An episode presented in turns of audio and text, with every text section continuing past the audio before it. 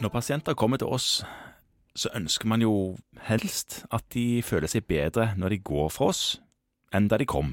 Ja, det ligger vel litt Det er liksom litt av dealen, en det. del av mandatet og pakken og konseptet, er det ikke det? Jo. Ja. Eh, Og ofte går det. Noen ganger så blir man eh, stående litt i stampe, selv om eh, medisiner som pleier å virke, forsøkes uten effekt. Mm. Og så prøver man det ene med det andre, og det jeg vil fram til nå er hodepine generelt, og mer spesielt migrene. ja der, Fordi- der er det jo kommet noe nytt.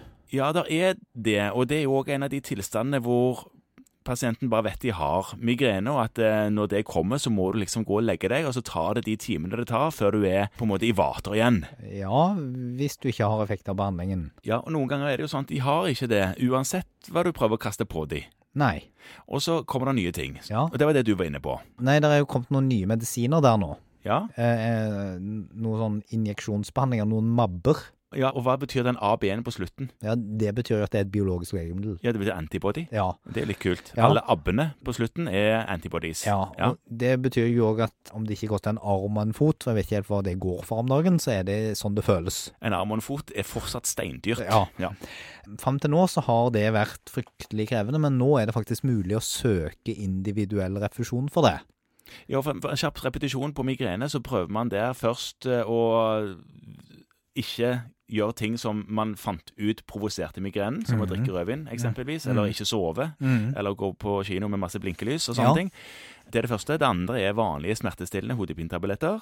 Ja. Tredje måtte være disse her eh, vanlige Tipptranene. triptanene. Ja. Og nå er det et trinn til, som Ja. er disse biologiske legemidlene. Ja, det er jo et trinn imellom der. Ja, hva Og- tenkte du og på da? Det, nei, altså det er det man kaller for forebyggende behandling for kronisk migrene. Og det er sånt som, som nevrologene driver med. Eh, Ja. For de fleste av oss vil, når du på en måte ikke kommer til mål med triptaner, så vil man skrive en henvisning til en nevrolog Jo, det er sant. og spørre om hjelp til dette her. Mhm. Og da skal vi bare minne om at alle disse pasientene skal, lenge før man begynner med triptaner, føre hodepinedagbok. Ja, det er lurt. Og den hodepinedagboken den kan man skrive ut gratis på nett. Ja. Ja. Det fins apper for det nå. Ja, det finnes det også. Superfine Der finnes en apper. app for alt. Ja. Kristian. Men plutselig så hadde du en som ikke hadde så mye lyst Smart- på det. Som ikke hadde smarttelefon. Det er smart. Kan du bare glemme. Har du sett en dumtelefon Eh, på en stund? Ja, men det er en annen sak. Det som er viktig, er at hvis du skal få støtte til disse nye biologiske legemidlene, det er at da må du ha en kronisk migrene. Og kronisk migrene, det, det er definert. Og det kan være greit å vite før du setter deg ned og skriver henvisning til spesialisten om at eh, denne pasienten har en kronisk migrene. Så skal de da ha minst 15 hodepinedager hver måned, hvorav minst 8 er migrenedager. Så dette får du ikke til uten dagboken din. Og det skal ha vart i en periode på over tre måneder. Da har du definisjonsmessig en kronisk migrene, og det skal dokumenteres og evalueres, som det så fint heter. Så dette må du på en måte journalføre. Mhm. Eh, Og så kan du da henvise til en nevrolog, for det er de som må skrive søknaden om å få dette dekket. Og det får de kun lov til å gjøre hvis pasienten har prøvd tre andre ulike grupper av forebyggende medisiner, og ikke hatt tilstrekkelig effekt av det, eller hatt uakseptable bivirkninger. Ja. Og de gruppene, det er medisiner som jeg for så vidt kjenner som forebyggende for migrene, mange av oss, det er betablokkere og A2-blokkere og ACE-hemmere, Mhm. ikke sant?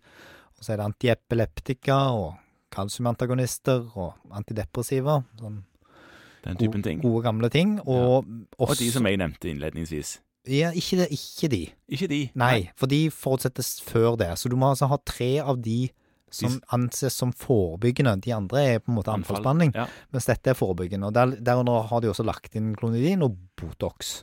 Ja. Så Mm. tre av de forskjellige klassene må du ha prøvd. Det hjelper ikke å ha prøvd tre forskjellige betablokkere. Nei. Ehm, og så kan det da sendes søknad om dette. Og det kan du gjøre uten eh, mas med nevrolog. Da må du ha hjelp av en nevrolog. Ja, det må du gjøre. Nevrologen som må gjøre dette. Aha. Men det som er grunnen til at vi skal snakke litt om dette nå, er det at da kan du jo vite hva som er kravene før du henviser til nevrologen. Mhm. Sånn at eh, du ikke henviser til nevrologen, og så der du på en måte selger inn til pasienten at nå skal vi sende det til en nevrolog som skal søke om dette nye, flotte medisinen. Ja, så blir det Så- en strafferunde. Så blir det strafferunde. Ja. Det er like godt å informere om strafferunden først. Det er sant. Ja. Og da kan det søkes, og da er det folk nå som får det godkjent. Og Disse nye mabbene har vist kjempegod effekt for en god del pasienter med kronisk migrene. Sånn at for de som Ta deg en liten runde på de som du har i praksisen din, som har kjempestore problemer, og som til nå ingenting har funka for, og hør om dette kan være noe. Mm. Mange av de leser om dette i ulike ymse medier og Men da kommer nok av seg selv. Ja, men da vet du hva de snakker om når de kommer. Ja, ikke sant?